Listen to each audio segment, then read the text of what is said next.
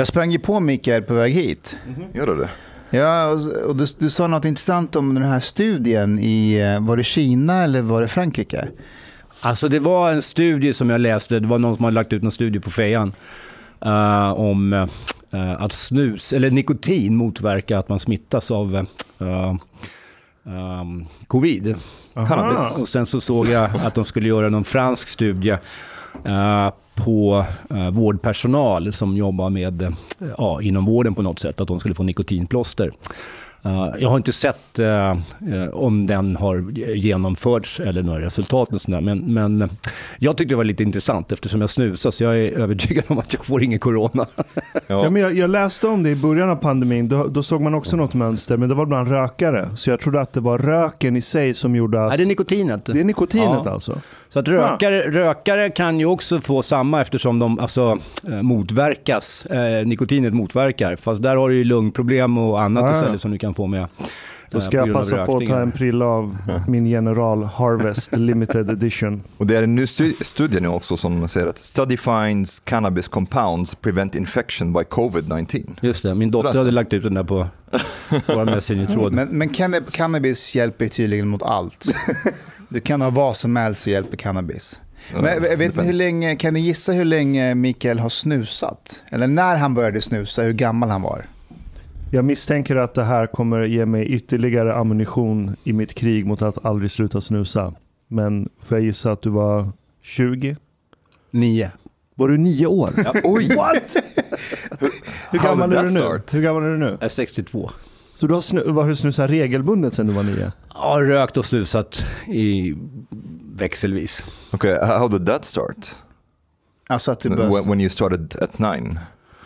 Well, I was kind of a trouble, svenska. troublesome guy. Sverige går bra. Ja. Mm. Så att jag var ganska problematisk när jag var, när jag var liten.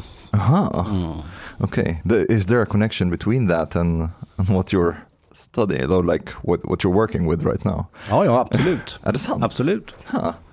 För att du har ju varit, eh, du, eh, du är utbildad socionom. Jag är utbildad socionom, utbildad forskare. Just det. Så att, ehm, min ungdom var väl ganska stökig. Så att, uh, summa summarum så hamnade jag på det som idag kallas för paragraf 12-hem. Då hette det ungdomsvårdsskola. Eh, och efter det så bestämde jag mig för att jag skulle göra någonting annat. Eh, så att min brorsa knarkade ihjäl sig när han var 17, jag var 20.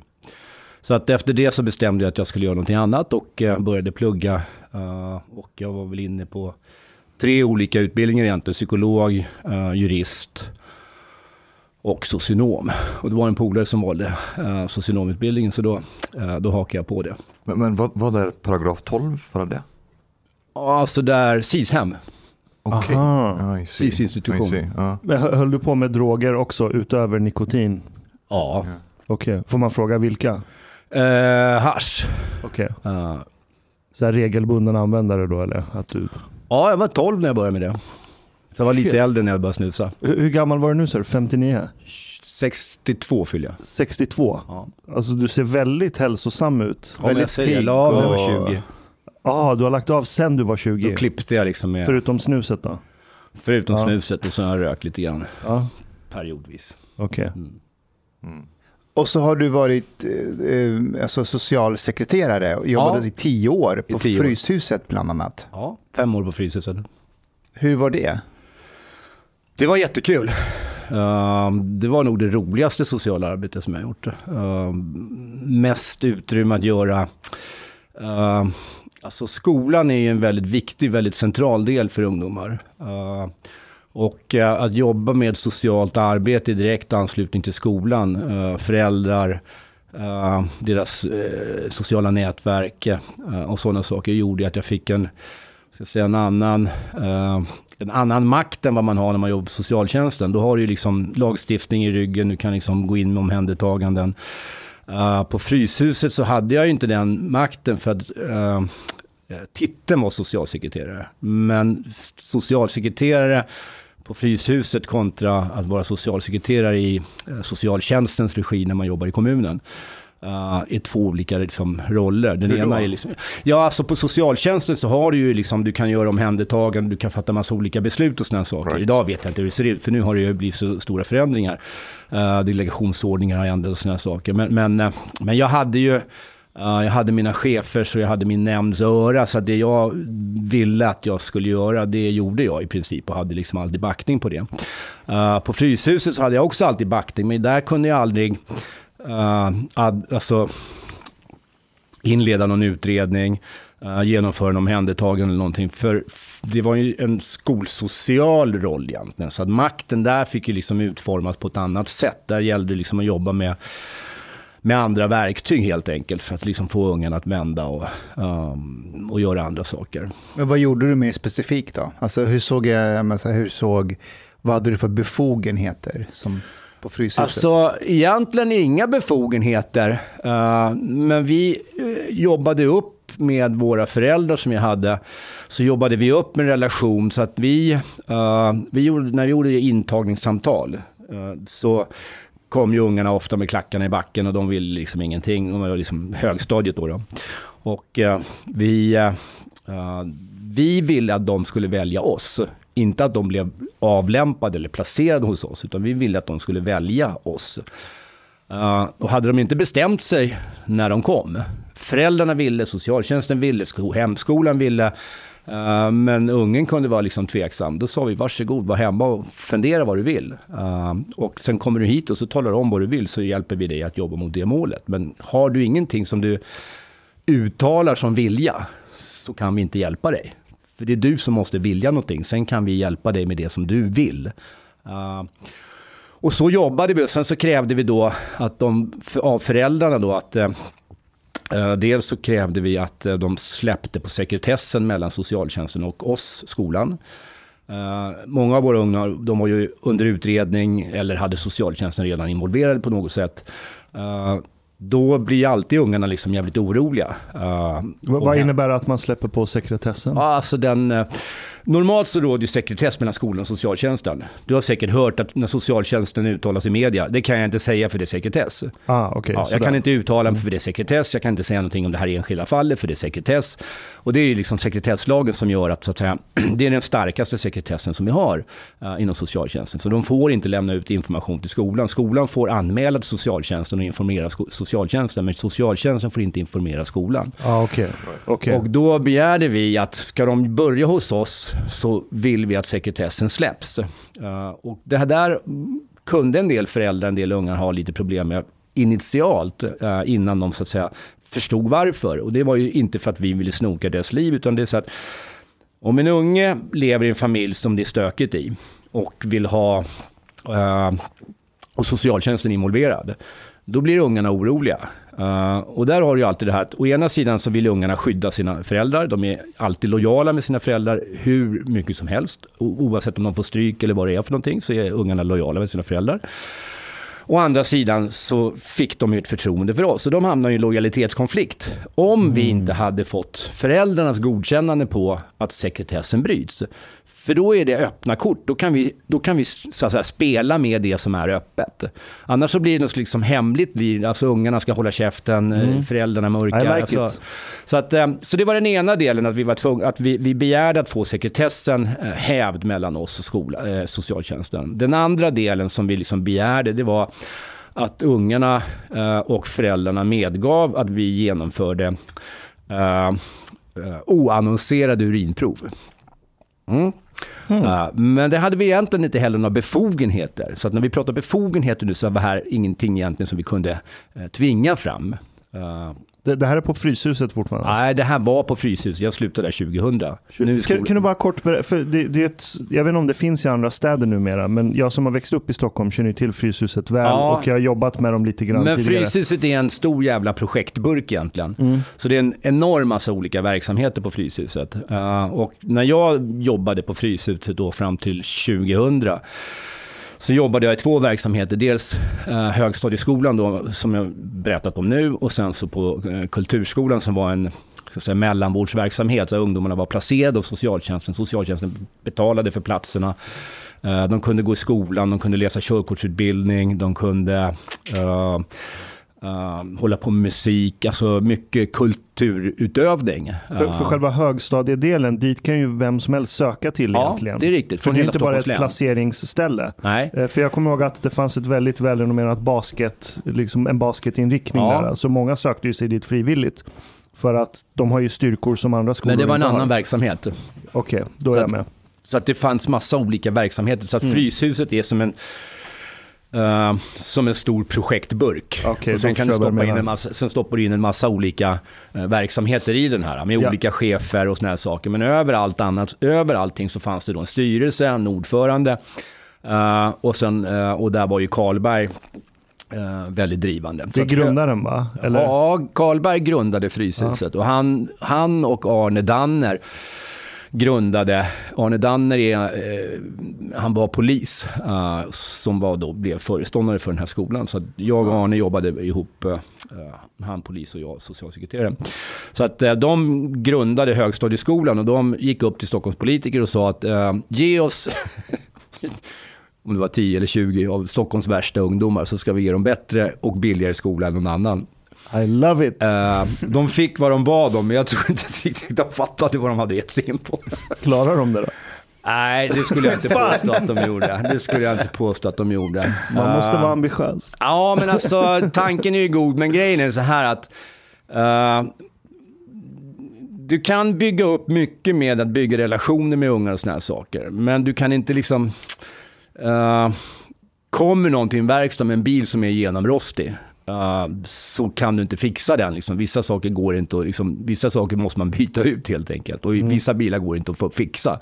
Eh, nu pratar vi människor. Uh, och det liksom innebär att det är ingen quick fix att jobba med såna här unga. Liksom. Och ju trasigare de är, desto längre tid tar det. Uh, Jag hade sagt ge mig de näst, näst trasigaste. Ja, men, men så när jag började på Fryshuset, det var ju liksom, Karlberg startade uh, Fryshuset 85. Uh, jag kom in i bilden på högstadieskolan uh, 95 och då hade högstadieskolan Okej. varit igång i ja, ett antal år, fem år kanske, något sånt där. För, Så för just eh, Fryshuset är väldigt intressant i det att det är en skärningspunkt som träffar på mycket av de problem vi ser runt om i hela Sverige ja, idag. absolut. Det är liksom kriminalitet, eh, integrationsproblemen vi har, inflödet av droger i allt yngre åldrar.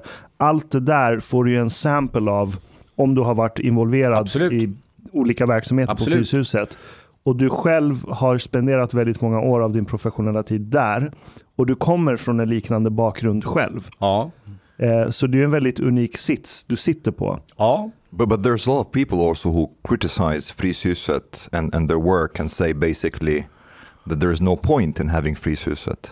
Uh, alltså, det där beror på vilket perspektiv du antar när du liksom kritiserar Fryshuset och vad, liksom, vad po- poängen, uh, alltså vad du tror att poängen är med Fryshuset. Uh, mycket av kritiken mot Fryshuset tycker jag är, är, är felaktigt grundad, alltså redan i utgångspunkten. På vilket sätt?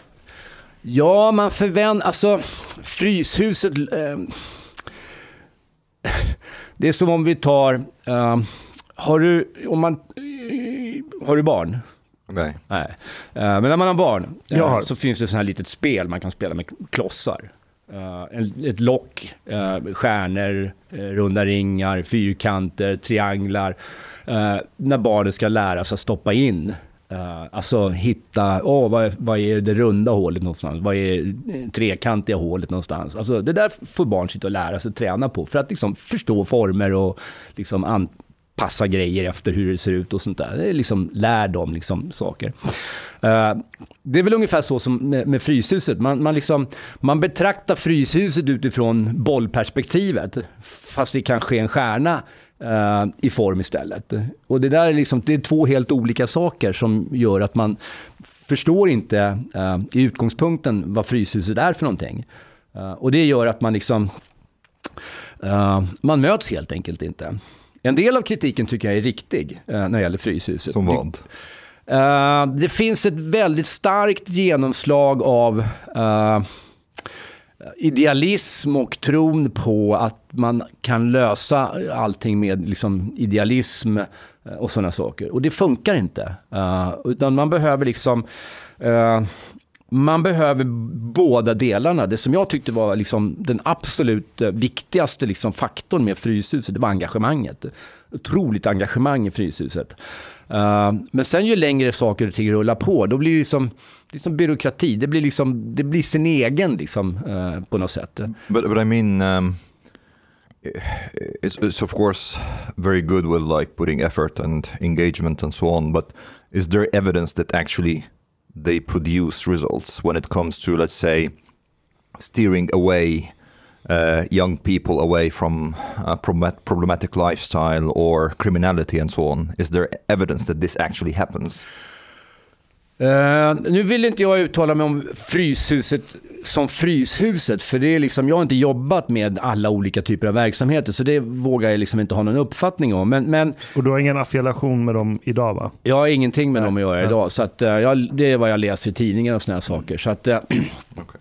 Men Uh, om vi tar högstadieskolan då, uh, finns det någon evidens för att vi uh, lyckades? Ja, det beror ju på var man, liksom, var man lägger ribban någonstans. Vi hade ungar som var liksom utsatta för sexuella övergrepp, uh, sades det.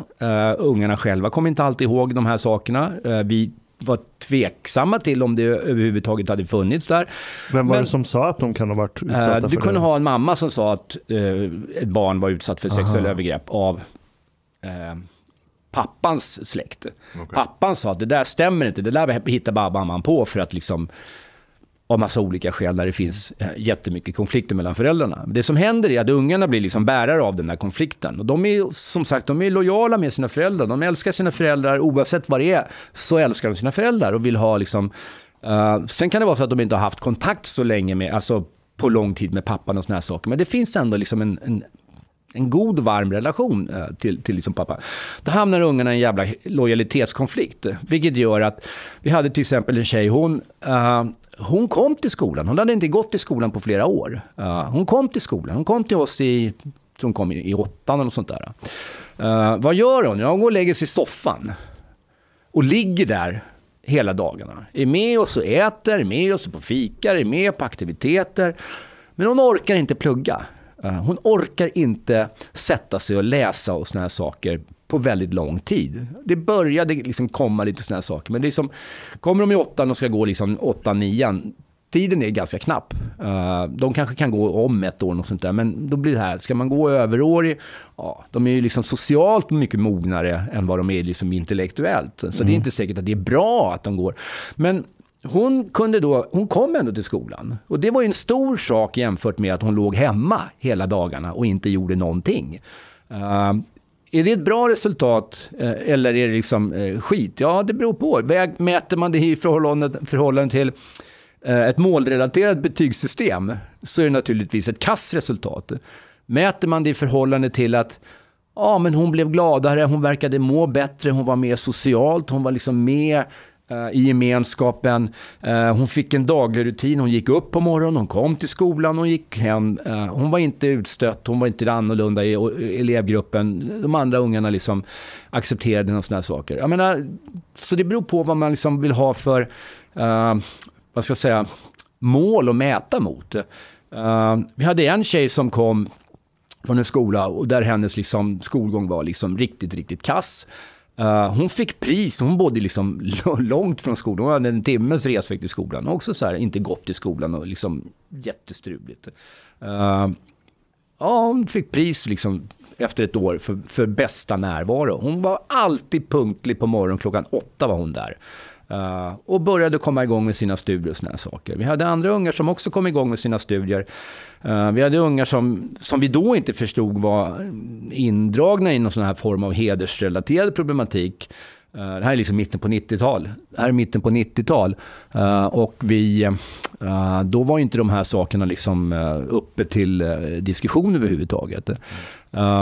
men en tjej som jag jobbade jävligt mycket med, hon var så här, um, hon klättrade i princip på väggarna när, när de började hos oss. När hon kom med sin kurator och mamma och skulle börja hos oss. Uh, så var hon så fruktansvärt uh, otrevlig mot den här kuratorn. Jag förstod ju senare varför. För den här kuratorn hade liksom suttit och bedrivit liksom någon slags uh, enskilda samtal med den här tjejen som hade jätteproblem i hemmiljön. Morsan krökade, farsan tog med henne. Alltså han, han var ju liksom från Mellanöstern. Det fanns någon sån här hedersproblematik. Han ville inte att hon skulle umgås med vissa av såna här saker. Så han tog med henne när han tyckte. Så tog han med henne till, sin, till sitt jobb och så fick hon sitta där liksom, uh, med honom. Uh, henne jobbade vi ganska mycket med och fick det liksom, uh, att vända. Hon blev jätteduktig. Uh, så hon kunde till och med få betyg i något av ämnena som hon liksom, Eh, uh, i jumpa till exempel. Hon var, hon var jätteduktig. Uh, så att under de här åren så fick vi ungarna att vända, komma till skolan, vara med i skolan uh, och faktiskt engagera sig i sina egna liksom, ämnen och såna här saker. Sen är det så här att när ungar kommer till oss i sjuan, åttan och inte har gått i skolan sen trean eller något sånt där. Eller kanske inte har kunnat följa med i undervisning, kanske har gått i skolan men liksom ligger efter kunskapsmässigt. Ja, vad ska vi åstadkomma liksom på eh, två, tre år eh, med de ungarna? Eh, dels har de liksom sjuan, åttan, nian fortfarande som de ska, sen ska de ta ikapp det som de har eh, liksom missat. Så att, eh, att sätta, eh, sätta liksom ribban på att de ska få betyg i alla ämnen, det är, liksom, det är nonsens egentligen. Så att vi, vi, vi försökte liksom, ja, nå så långt vi kunde med de här ungarna eh, socialt eh, och skolmässigt eh, och liksom bygga de, de relationer som vi, liksom, som vi gjorde. Uh, så under de här åren så fick vi också klart för oss att många av de här ungarna tyckte att det var bra med de här oannonserade urinproverna. Därför att då kunde de säga till sina polare, men jag kan inte ta för att det är liksom, de, de kan komma och right. göra en oannonserad eh, drogtest i skolan och då åker jag ut. Liksom. Och det köper deras kompisar. Men det är töntigt att säga, nej jag vill inte. Uh, alltså, då tappar de ansiktet inför sina polare. Så att vi blev liksom the bad guy i, i det avseendet. Men det är liksom helt oproblematiskt för oss för vi vuxna, vi kan ta det liksom. The good bad guy. Uh, generally speaking, uh, my perception of what society cares about right now when it comes to the efforts from uh, the social socialtjänsten or like anything that the state can do really is one to reduce criminality two that young people i orten get their shit together lyckas med skolan skaffa sig en utbildning in order to be able to get a job eventually. And also honor culture, eller hedersförtryck. And they care about these questions in, in different degrees. Um, and uh, the first time actually I, I heard about you uh, when you were in Aktuellt. Um, and you had like very strong critique against socialtjänsten. Uh, och det var jättebra. And, uh, det är därför du är här Micke. ja, precis. And, and, I remember actually that um, I, I wrote to Mustafa at the same time, or, or you wrote me first and you, you were like, did you see 12? And I was like, yeah. There was this, this, uh, this guy was like really sharp. Jag tror jag skrev till Mikael samma kväll ja, eller ja. dagen efter. Kan vi inte lyssna på den? Den är ganska kort för att bara fräscha ja, upp minnet absolut. lite. Socialtjänsten har inte kompetens och det var en annan sak som jag eh, tänkte komma till. Så att dels så har vi själva problemet med de här familjerna som, där problemen kan uppstå ganska tidigt. Eh, sen då när social myndighet ska gå in eh, och jobba med de här familjerna med den kompetens som man har som inte är tillräcklig på långa vägar. Vad är det som saknas? Ja, det är ganska mycket som saknas egentligen. socialarbetare i sin utbildning läser ingenting om kriminologi, de läser alldeles för lite juridik. Eh, de har ingen kulturkompetens därför att utbildningarna innehåller inte kulturkompetens, eh, vad ska jag säga, teori kring eh, olika typer av familjer som kommer från massa olika länder. För det är en omöjlighet att innehålla så mycket på en generalistutbildning. Och det är någonting som i så fall skulle behövas arbetsgivarna utbilda dem vidare i. Mm, vad säger du? Ni har inte rätt kompetens. Jag måste ändå säga att jag tycker man har gjort ganska mycket nu senaste åren kring kompetens för att stärka kompetensen för de som jobbar i barn och ungdomsvården. Man har något som heter Yrkesresan där man liksom vänder sig både till de som är relativt nya i yrket. Det är inte mer som sägs där. Men, men hon jobbade, eh, hon var väl ordförande eller? Hon är vice ordförande för Sveriges eh, socialchefersförbund och sånt där. Eh, Um, en chefsorganisation för, för chefer inom socialtjänsten. Uh, och sen så är hon uh, någon chef ganska högt upp i, mm. i Huddinge. Men hur populär är du bland socialtjänsten och socialarbetarna idag? Du är ju en dissident nu. Alltså det varierar lite ska jag säga. Jag får, det är väl ungefär som på, liksom, bland mina studenter på socionomutbildningen jag var på SU. Uh, en del hatar mig. uh, Får du mycket och- hot och hat från socialarbetare? Ja, inte, från, inte, inte från, från socialtjänsten, men från studenter kunde jag få det. Och en del studenter eh, älskar mig och tycker att jag är, liksom, eh, är det bästa som finns. Vad, vad var det för sorts eh, kritik eller hot och hat du kunde få från studenter? Bara att de mejlade dig eller Nej, alltså dig? en del tycker att jag är en fascist, att jag är en förtryckare, att jag är en härskartyp. Så att eh, det här inslaget, det här inslaget är ganska kul, för jag har en student som, som jag har kontakt med fortfarande, som är kompis med på, på Facebook. Eh, han skickade mig eh, ett utdrag av en, en, eh, en grupp som han är med i. Eh, och då var det liksom Tärnfall, bara man ser dem, det lyser härskartekniker om honom. Eh, och jag förstod ju inte riktigt vad jag, vad jag gjort för att liksom ha härskarteknik när jag är med Aktuellt. Liksom. Jag är där för att uttala mig. Eh, och jag delade inte liksom, eh, hennes uppfattning. Det intressanta var att vi hade ju ganska mycket lika uppfattningar eh, innan vi gick in i sändning. brukar vara Det så. brukar vara Så så. att, ja.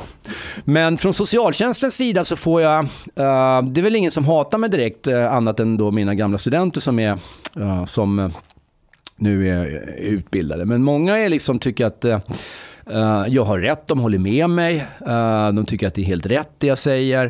Uh, det är ett fåtal som har hört av sig med liksom, uh, ifrågasättanden och, och kritik och sådana saker. Jag tror att så här, att under utbildningen så, så vill många studenter höra bara att det är bra, att man går en bra utbildning, att allting är liksom, uh, man har möjlighet att göra sådana saker.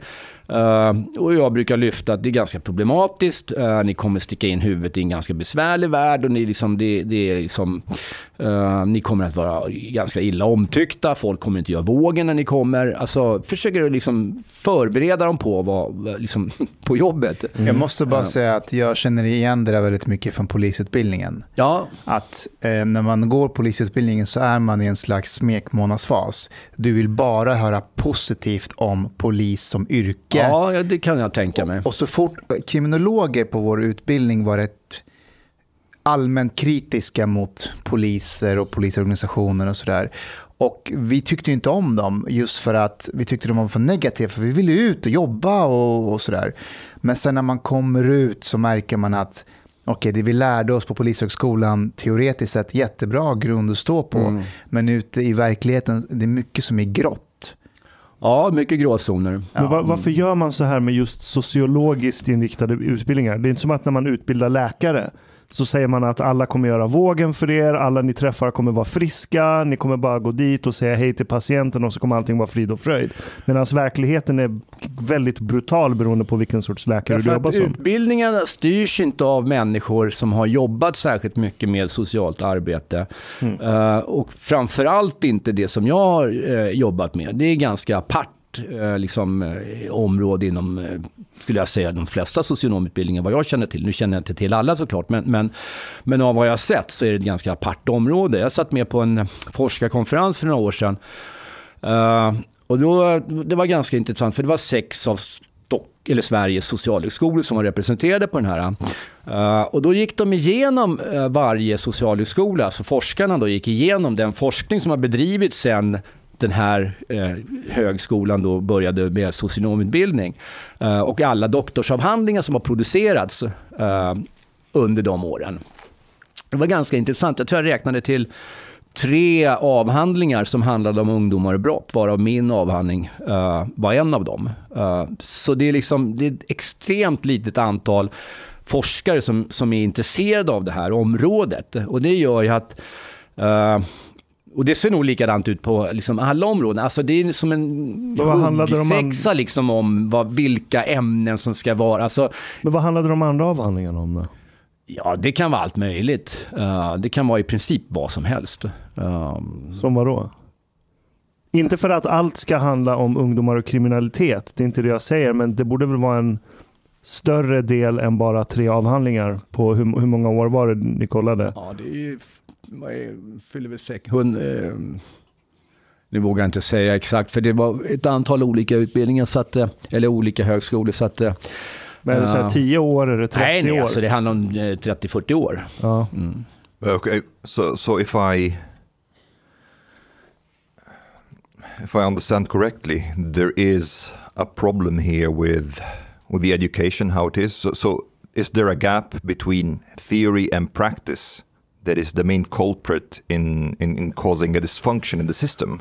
Uh, there's a Ja. gap between idealism and, and reality in a way, or Uh, både och. Alltså, jag, har in, jag tycker inte att det är fel att man har liksom, uh, läser mycket olika teorier och här saker. För det, det är liksom viktigt att ha uh, teoretiska perspektiv på saker och ting. Du behöver liksom någonting att hänga upp praktiska erfarenheter på. as long as they map onto reality, basically. Ja, men alltså, sen måste man alltid eh, liksom anpassa teorierna efter verkligheten. Men jag menar, eh, om du ska jobba med till exempel familjebehandling så måste du veta hur ska du orientera dig i det landskap som du- går in i. Det är konflikt, man kan likna det vid ett konfliktområde. Liksom, det ligger miner här och där. Liksom. Går in här och trampar fel så smä, smä, smäller en mina, det vill säga du ökar på konflikten. Då behöver du en karta för att orientera dig. Det, det är så jag ser på teorierna. Likadant det här med ungdomar och liksom, vad ska man prata med ungdomar om? Uh, vill, hur kan man förstå ungdomar som begår brott? Uh, och sådana saker. Så att teori är liksom inget eh, problem i sig, utan problemet blir att det är dålig eh, för det första är det för lite, eh, för kort utbildning eh, för det mycket komplexa arbete som socialarbetare ska genomföra. Så att min kritik måste ju, när det gäller socialtjänsten, ska ju inte egentligen uppfattas som att den är riktad mot enskilda socialarbetare, utan det är egentligen systemfel. Okay, so i- if we um, if you try maybe to guide us a little bit, give us a like a ground course in your criticism against socialtjänsten and what should be done in your opinion. Och några exempel från verkligheten kanske. Ja. Alltså... Vi hade till exempel en utbildning, eh, en kurs som handlade om utredningar i socialt arbete. Det var en eh, sexpoängskurs som låg på termin, eh, termin fyra. Eh, Den behandlade då, jag menar det är sex poäng, det är liksom, vad är det, fyra, fem veckor liksom. Eh, Så det är liksom inget, inget djupgående, men det gav ändå liksom en karta på eh, sociala problem och hur man kan angripa dem utredningsmässigt. Hur man ska utreda så att säga. Eh, hur man ställer frågor, alltså frågor som ska utredas. Så att det är viktigt att man liksom ställer eh, relevanta frågor, att man följer upp de frågorna som man ställer och får svar på de här frågorna som mynnar ut då i en analys av problemen som man har så att säga eh, tagit sig an i den här utredningen. Eh, utredningen och sen eh, titta då på vad finns det för olika eh, metoder för att jobba med den här typen av problematik. Till exempel en missbruksutredning så kunde du då använda uh, den här Addiction Severity Index, ASI till exempel, som man använder som teori, liksom modell för att utreda. Uh, jobbar man med unga lagöverträdare så kunde man liksom använda sig av de olika teorier som finns i, liksom, när det gäller unga lagöverträdare. Varför, Teori om varför unga begår brott och sådana saker. Så att det här var en sån, en sån kurs. Eh, den la man ner på vår utbildning eh, därför att man tyckte att eh, ingenting är så bra att det inte kan göras bättre. Och sen så på grund utav, som jag ser det, att man, man ville ha sina fyra tunga forskningsämnen Eh, ge dem större utrymme i utbildningen och då får andra saker stryka på foten. Så resultatet blev då att man tog, bort en fungerande kurs. Eh, så nu, nu finns det ingen kurs eh, på Socialhögskolan i Stockholm som är en, utrednings, en renodlad utredningskurs. Det innebär att när vi utbildar våra socionomer då går de ut utbildningen och kan inte utreda. Det innebär ju att det finns ett stort ansvar som läggs på arbetsgivarna. Att ni måste utbilda er personal i utredningsmetoder inom specifika områden som de här liksom studenterna då, eller färdiga socionomerna kommer ut och ska jobba inom. Uh, mig vetligt så sker det där i väldigt begränsad utsträckning, uh, om, om alls. Uh, och det beror ju ofta på att eh, nu ska jag vara riktigt uh, otrevlig. Go for it. Och det beror helt enkelt på att jag har aldrig stött på att de som blir chefer inom socialtjänsten är de som är uh, bäst på det som är viktigt att vara bäst på i socialt arbete.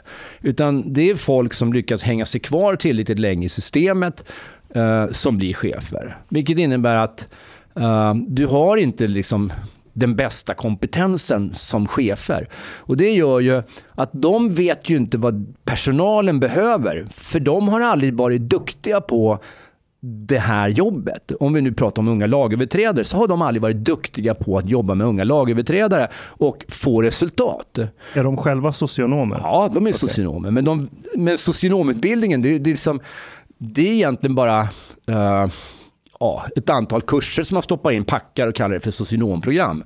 Uh, men det är liksom, ja men alltså det är så det ser, ser ut. Så att de som, de som blir chefer uh, har inte den kompetensen och det gör att de vet, inte, de vet inte vad personalen har för behov för att kunna jobba framgångsrikt med de här ungdomarna. Jobbar man i Rinkeby till exempel uh, så har man helt andra kunskapsbehov än om man jobbar med unga lagöverträdare i i Bromma där jag har jobbat till exempel. Jag jobbade uppe i liksom, min fru är från Äppelviken där uppe. Det, är liksom, det finns sociala problem där också. Men de ser helt annorlunda ut än om mm. du jobbar i Rinkeby eller, right. eller om du jobbar i Blackeberg eller var du jobbar någonstans.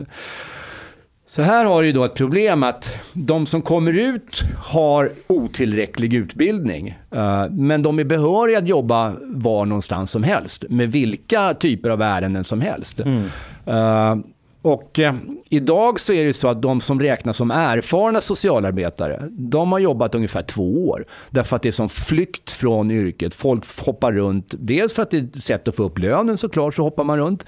Eh, men också för att det är så tungt och det finns så lite liksom, uppbackning egentligen. Och jobbar med de här som vi har sett den här rapporten från eh, Göteborg till exempel, eh, där socialarbetare blir hotade och sådana saker. Man vågar inte göra omhändertaganden på grund av liksom klanvälde och sådana saker. Och får man då ingen uppbackning, det är klart man inte går in och liksom jobbar med sådana saker. Så det är liksom, du får inte en kompetens som du bygger upp uppifrån. Utan vad du får är papegojor som säger att det här är bra, vi gör vad vi kan och vi har duktiga personal och sådana saker. För vad ska de säga? Får jag fråga dig, eh, när du är på utbildningen och, och träffar elever på socionomutbildningen. Studenter. Studenter. Eh, den generella liksom, studenten, eh, vem är hen och var kommer hen ifrån och vad, vad har den för uppfattning om världen och, och yrket? Uh, uh, många kommer nog från uh, medelklassen, uh, unga tjejer. Uh, en del, har, uh, en del har ju egna problem. Det är inte alltid de är öppna med de sakerna, men de har upplevt egna problem liksom under, på olika sätt. de har en ganska, vad ska jag säga, um,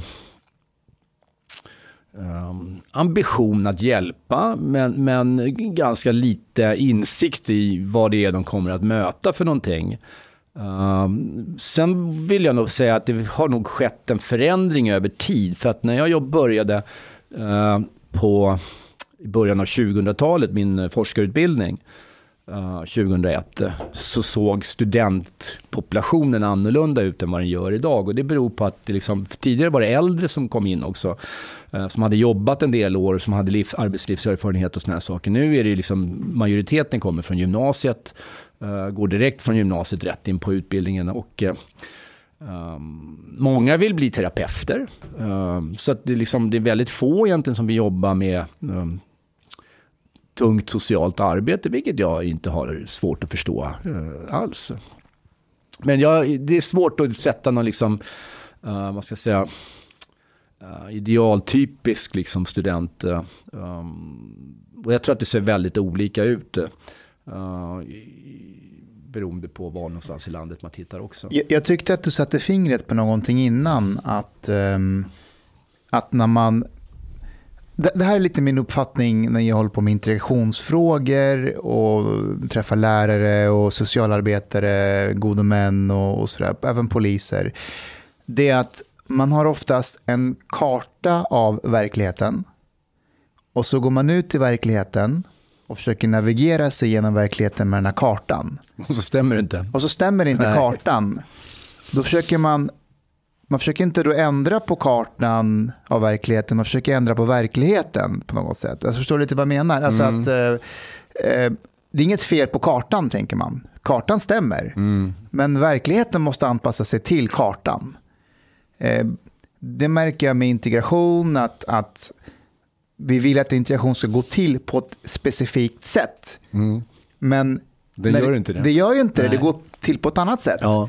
Eh, och, då säger, och, och, och när jag försöker beskriva att nej, men det är så här det lite går till, då säger man nej, men det är fel sätt. Det ska Mm. gå till på det här sättet. Eh, Eh, känner du igen det lite? Du, du nickar ju, men... Jo, men alltså absolut. Um, man vill att det ska vara på ett visst sätt. Man vill inte riktigt se uh, hur det ser ut. Uh, sen lever vi liksom i en ganska omvälvande tid. Det är liksom därför jag också har svårt att liksom se, alltså fånga som idealbilden, eller idealtypiskt vad liksom studenten av idag är. För att det, Ehm, det är så olika studenter egentligen och det beror lite grann på att samhället i sig också är ganska polariserat. Vi har hela den här liksom uh, woke-rörelsen och såna här saker. Uh, uh, antirasismen uh, som man liksom, blir, liksom hamnar i skottlinjen för som, som, um, som lärare. Jag ska ta ett exempel om hur, liksom, hur skruvat det kan bli. Uh, och det här, är liksom, det här har jag upplevt ett antal gånger under årens lopp. Det finns ett, ett fall från Klippan eh, 1993. Jag vet inte om ni känner till det här Klippan-fallet.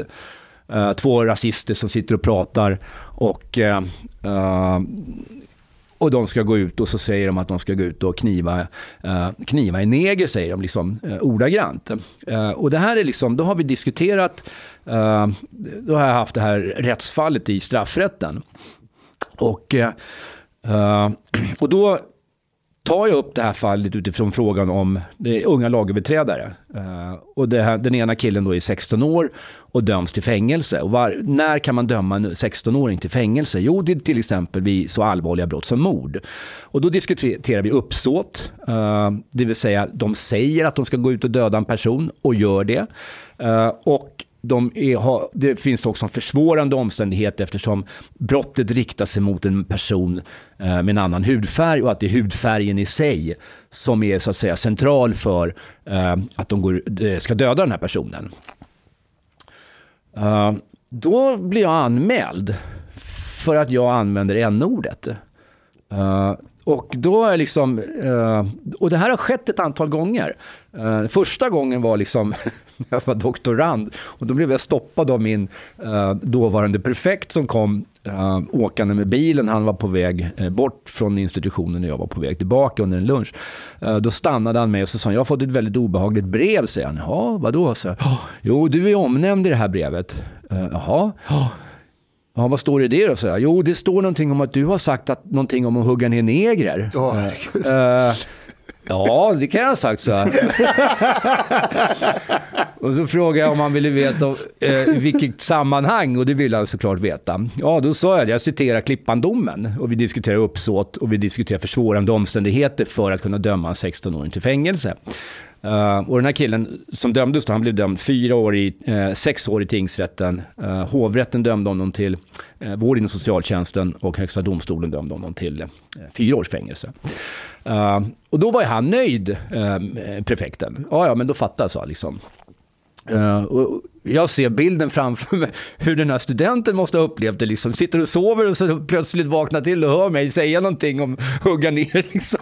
Och, så, och, och, tror att jag står där och propagerar för att man ska liksom hugga ner. Eller opportunistiskt vill få utlopp för sin aktivism. Ja, jag vet inte. Men ja, Det det, här kan vara så. Ja, it, så it kan det vara. of this uh, this example. Uh, I can't remember which which company it was when um, I think it was like the chairman or something who, who are like basically giving people directive Netflix. about was it Oh. uh-huh and they, was he like saying that the word retard should not be used is the same thing and you should not like use the word nigger or something like that either and then he got basically he had to go Ja, alltså det, var, net, he- det var Netflix-chef som kallade till ett möte om hur problematiskt det är att man använder n-ordet Ja. på Netflix på olika sammanhang.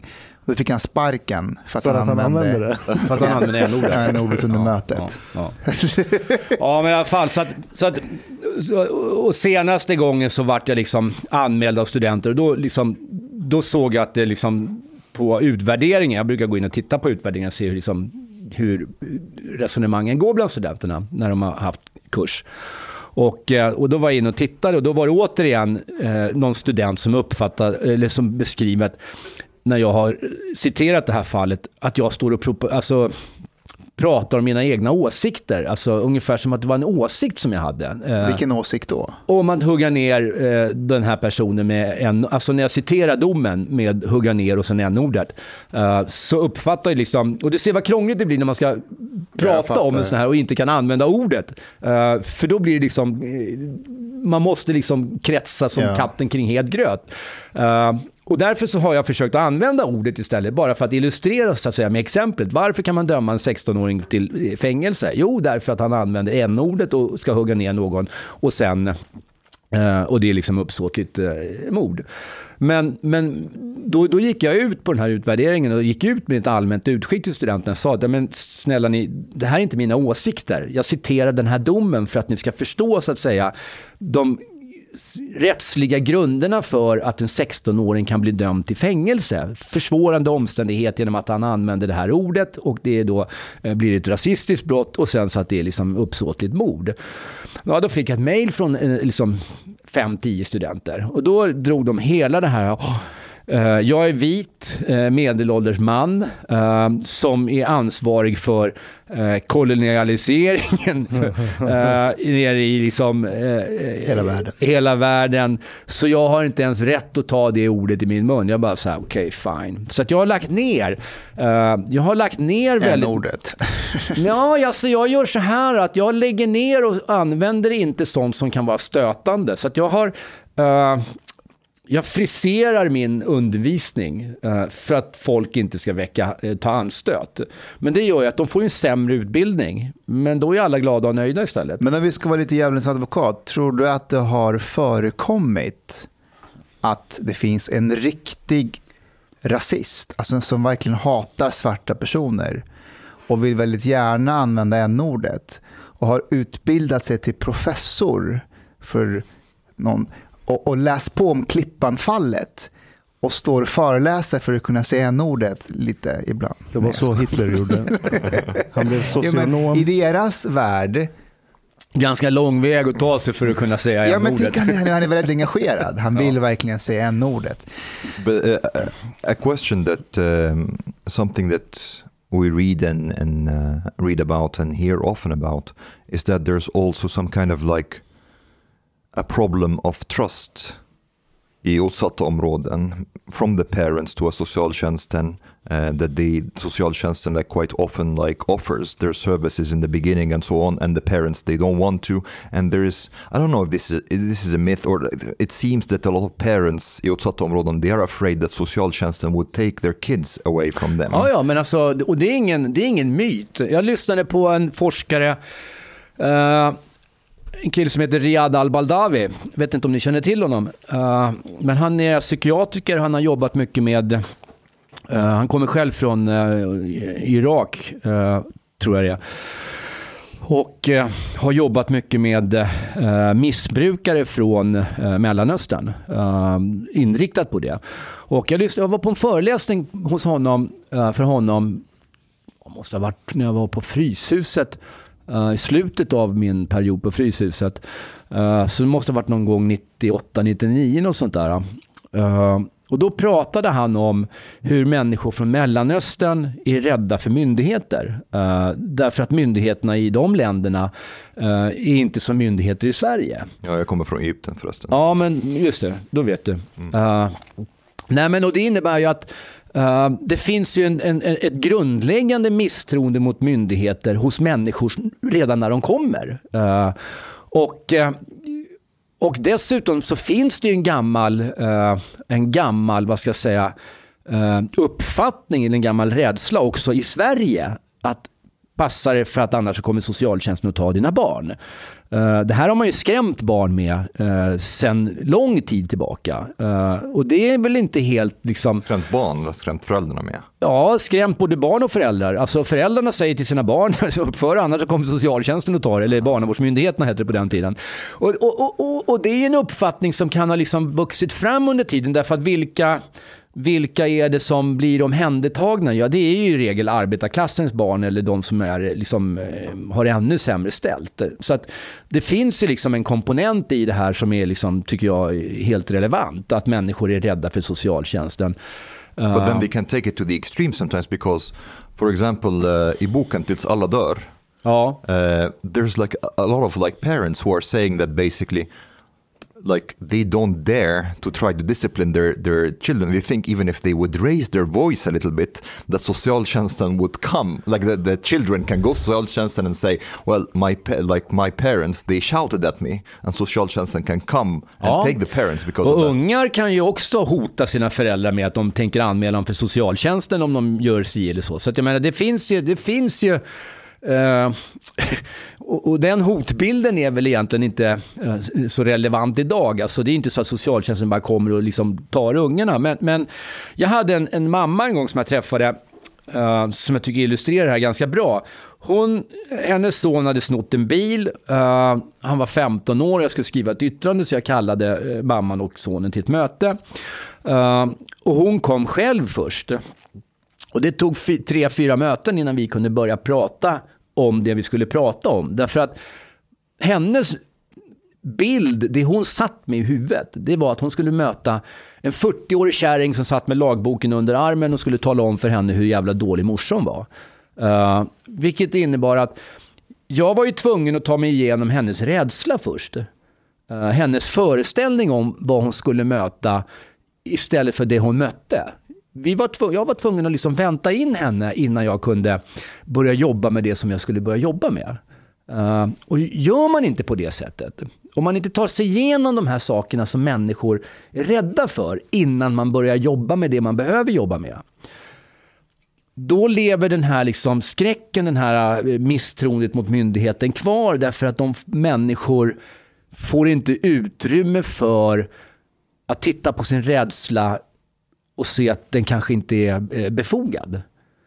Så på det sättet så kan man ju som socialarbetare ibland också eh, befästa människors rädsla för myndigheten om man så att säga hanterar det eh, klumpigt eh, eh i kontakt, liksom initialt.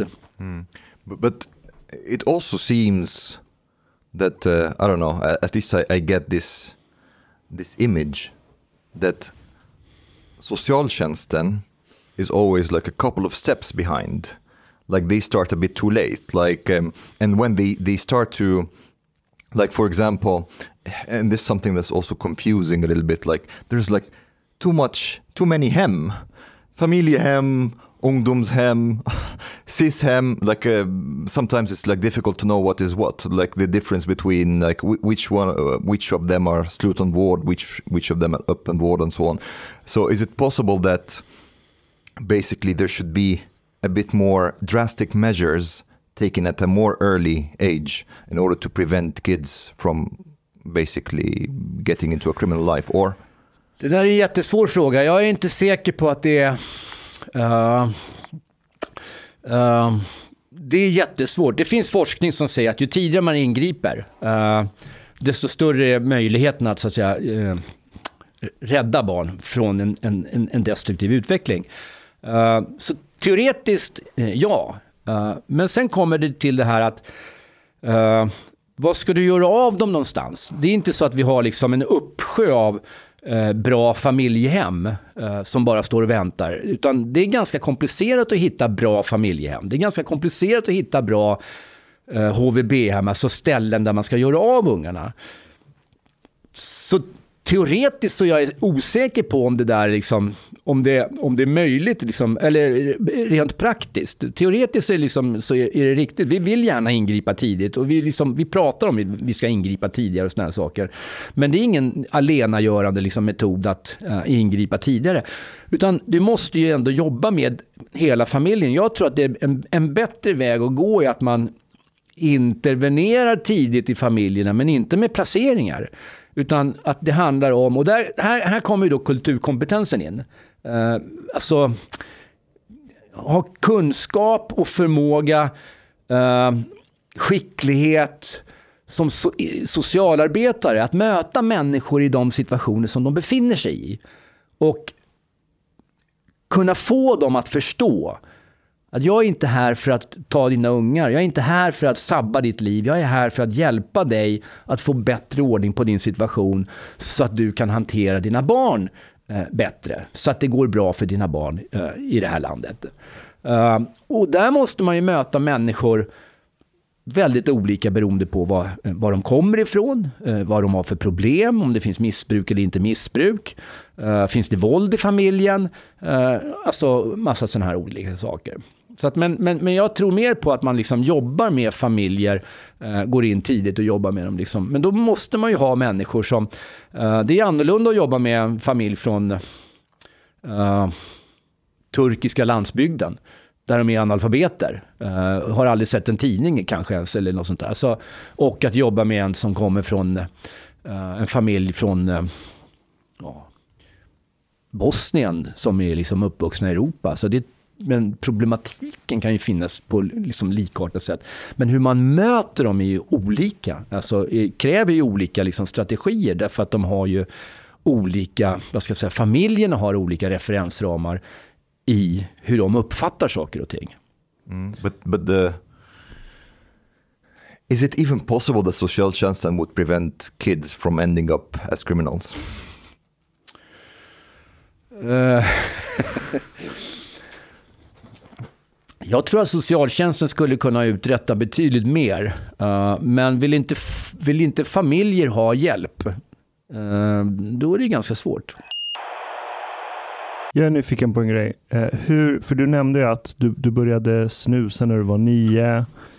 Du började röka cannabis när du var tolv. Din bror gick bort av knarkmissbruk. Eh, vad var det som gjorde, tror du, att du hamnade på de banorna och din bror hamnade på de banorna? Och hur, hur kom ni ut ur det här? Alltså... Uh, um,